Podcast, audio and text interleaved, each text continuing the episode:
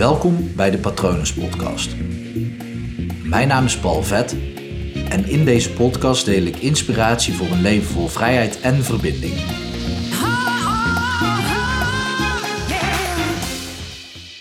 Van welk liedje word jij vrolijk? Leuke vraag natuurlijk, want dan ga je aan liedjes denken waar jij vrolijk van wordt. En ik heb net natuurlijk ook de post geschreven en ik heb gezegd, nou ja, ik word van heel veel liedjes vrolijk hoor. Maar ik moest gewoon aan deze denken van DJ Cassidy, uh, featuring Robin Thicke en Jesse J, Calling All Hearts. Uh, ik kan hem niet in de podcast laten luisteren, want dan word ik geband en uh, vanwege muziekrechten en zo wordt dat eraf gegooid. Waar ik het overigens helemaal mee eens ben, want die mensen hebben gewoon hard hun best gedaan om dat nummer te maken. En dan moet ik niet met de eer gaan strijken. Um, aangezien ik zelf DJ en producer ben geweest, weet ik hoe dat, dat werkt en weet ik hoeveel uren daarin zitten. Niet alleen in dat ene nummer maken, maar in alle voorbereiding, training, alles daaraan vooraf. Maar goed, ik ben even benieuwd of dat jij nu inmiddels ook een liedje hebt, of een nummer of een plaat, hoe je het noemen wilt, waar jij dus vrolijk van wordt. Want op het moment dat je daar alleen al aan denkt, dan word je als goed is ook al een stukje vrolijker. Want dan denk je aan hoe die plaat gaat. En op het moment dat je daadwerkelijk opzet, dan word je ook gewoon vrolijk. Ga je dan ook nog lekker op dansen of meezingen, word je nog vrolijker. En dat is leuk, want uh, muziek werkt gewoon als trigger voor een bepaald gevoel. Zo weet ik ook zeker dat er bepaalde nummers zijn dat als je die hoort, dat je dan verdrietig wordt. Of misschien wel onoverwinnelijk.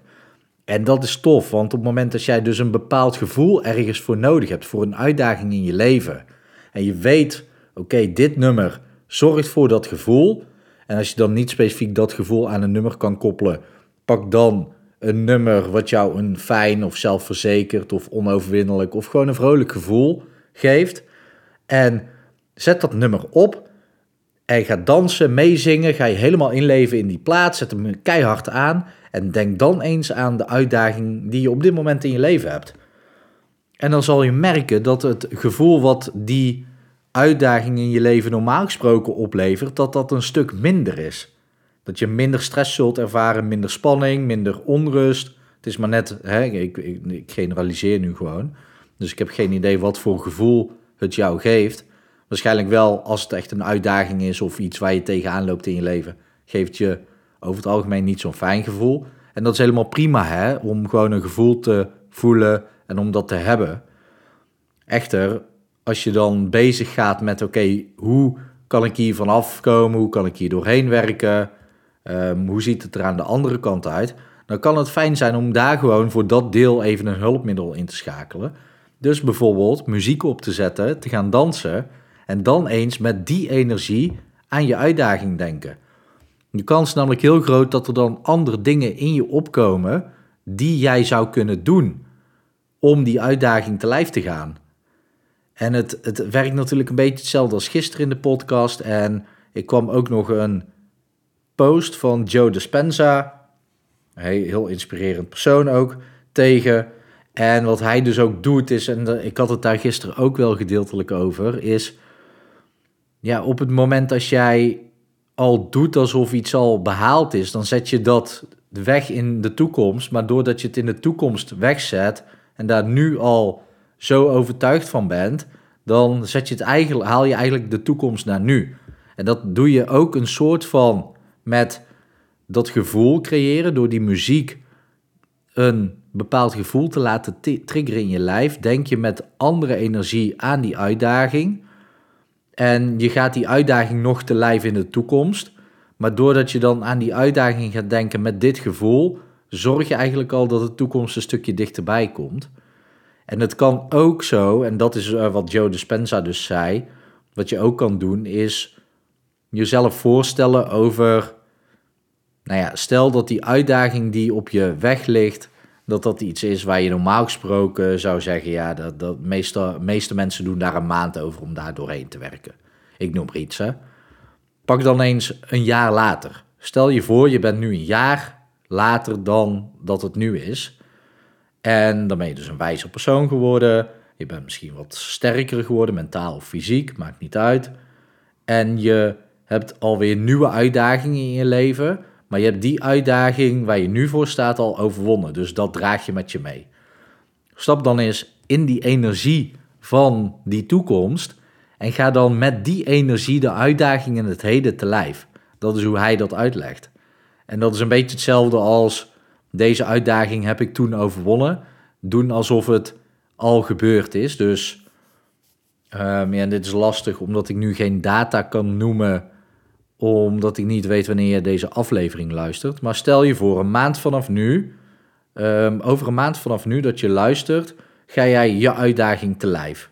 En dan kan je dus uh, over zeven maanden, over zeven maanden kan je zeggen, ja, zes, zes maanden geleden heb ik die uitdaging overwonnen. Nou, pak dan nu, op de dag van vandaag eens, een, de exacte datum over zeven maanden. En zeg dan um, tegen jezelf, nou ja, je, je moet dus de, kijk, dit bedoel ik, dus het is een beetje onhandig uitleggen. Um, je moet de datum over een maand vanaf nu pakken. Ik pak gewoon even de datum van vandaag erbij, dat maakt het makkelijk. Het is vandaag 23 juli, uh, dus dan zou ik zeggen 23 augustus. Dan ga ik mijn uitdaging te lijf. En denk er dan eens aan dat je nu een half jaar verder bent. Dus dan zitten we ergens, uh, wat is dat, in januari weer.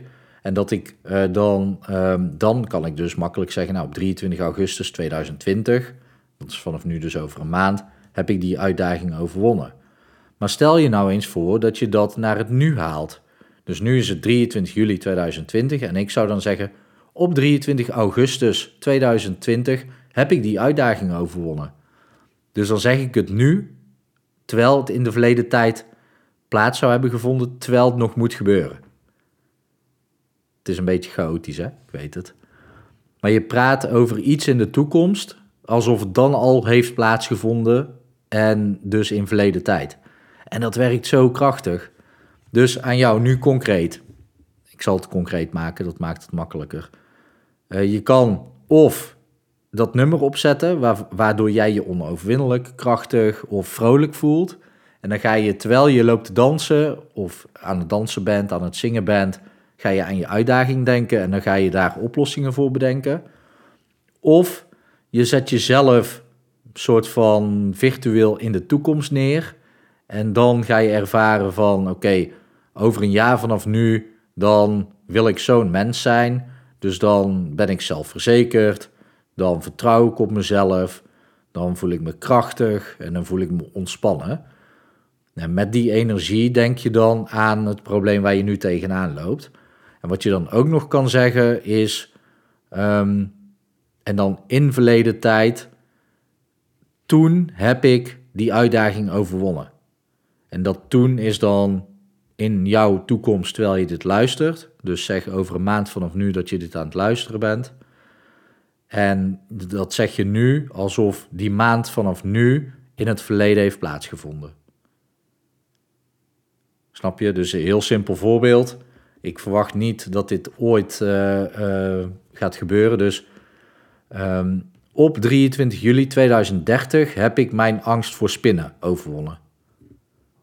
Snap je? Dus ik doe alsof dat dat verleden tijd is en het ligt nog heel ver in de toekomst officieel.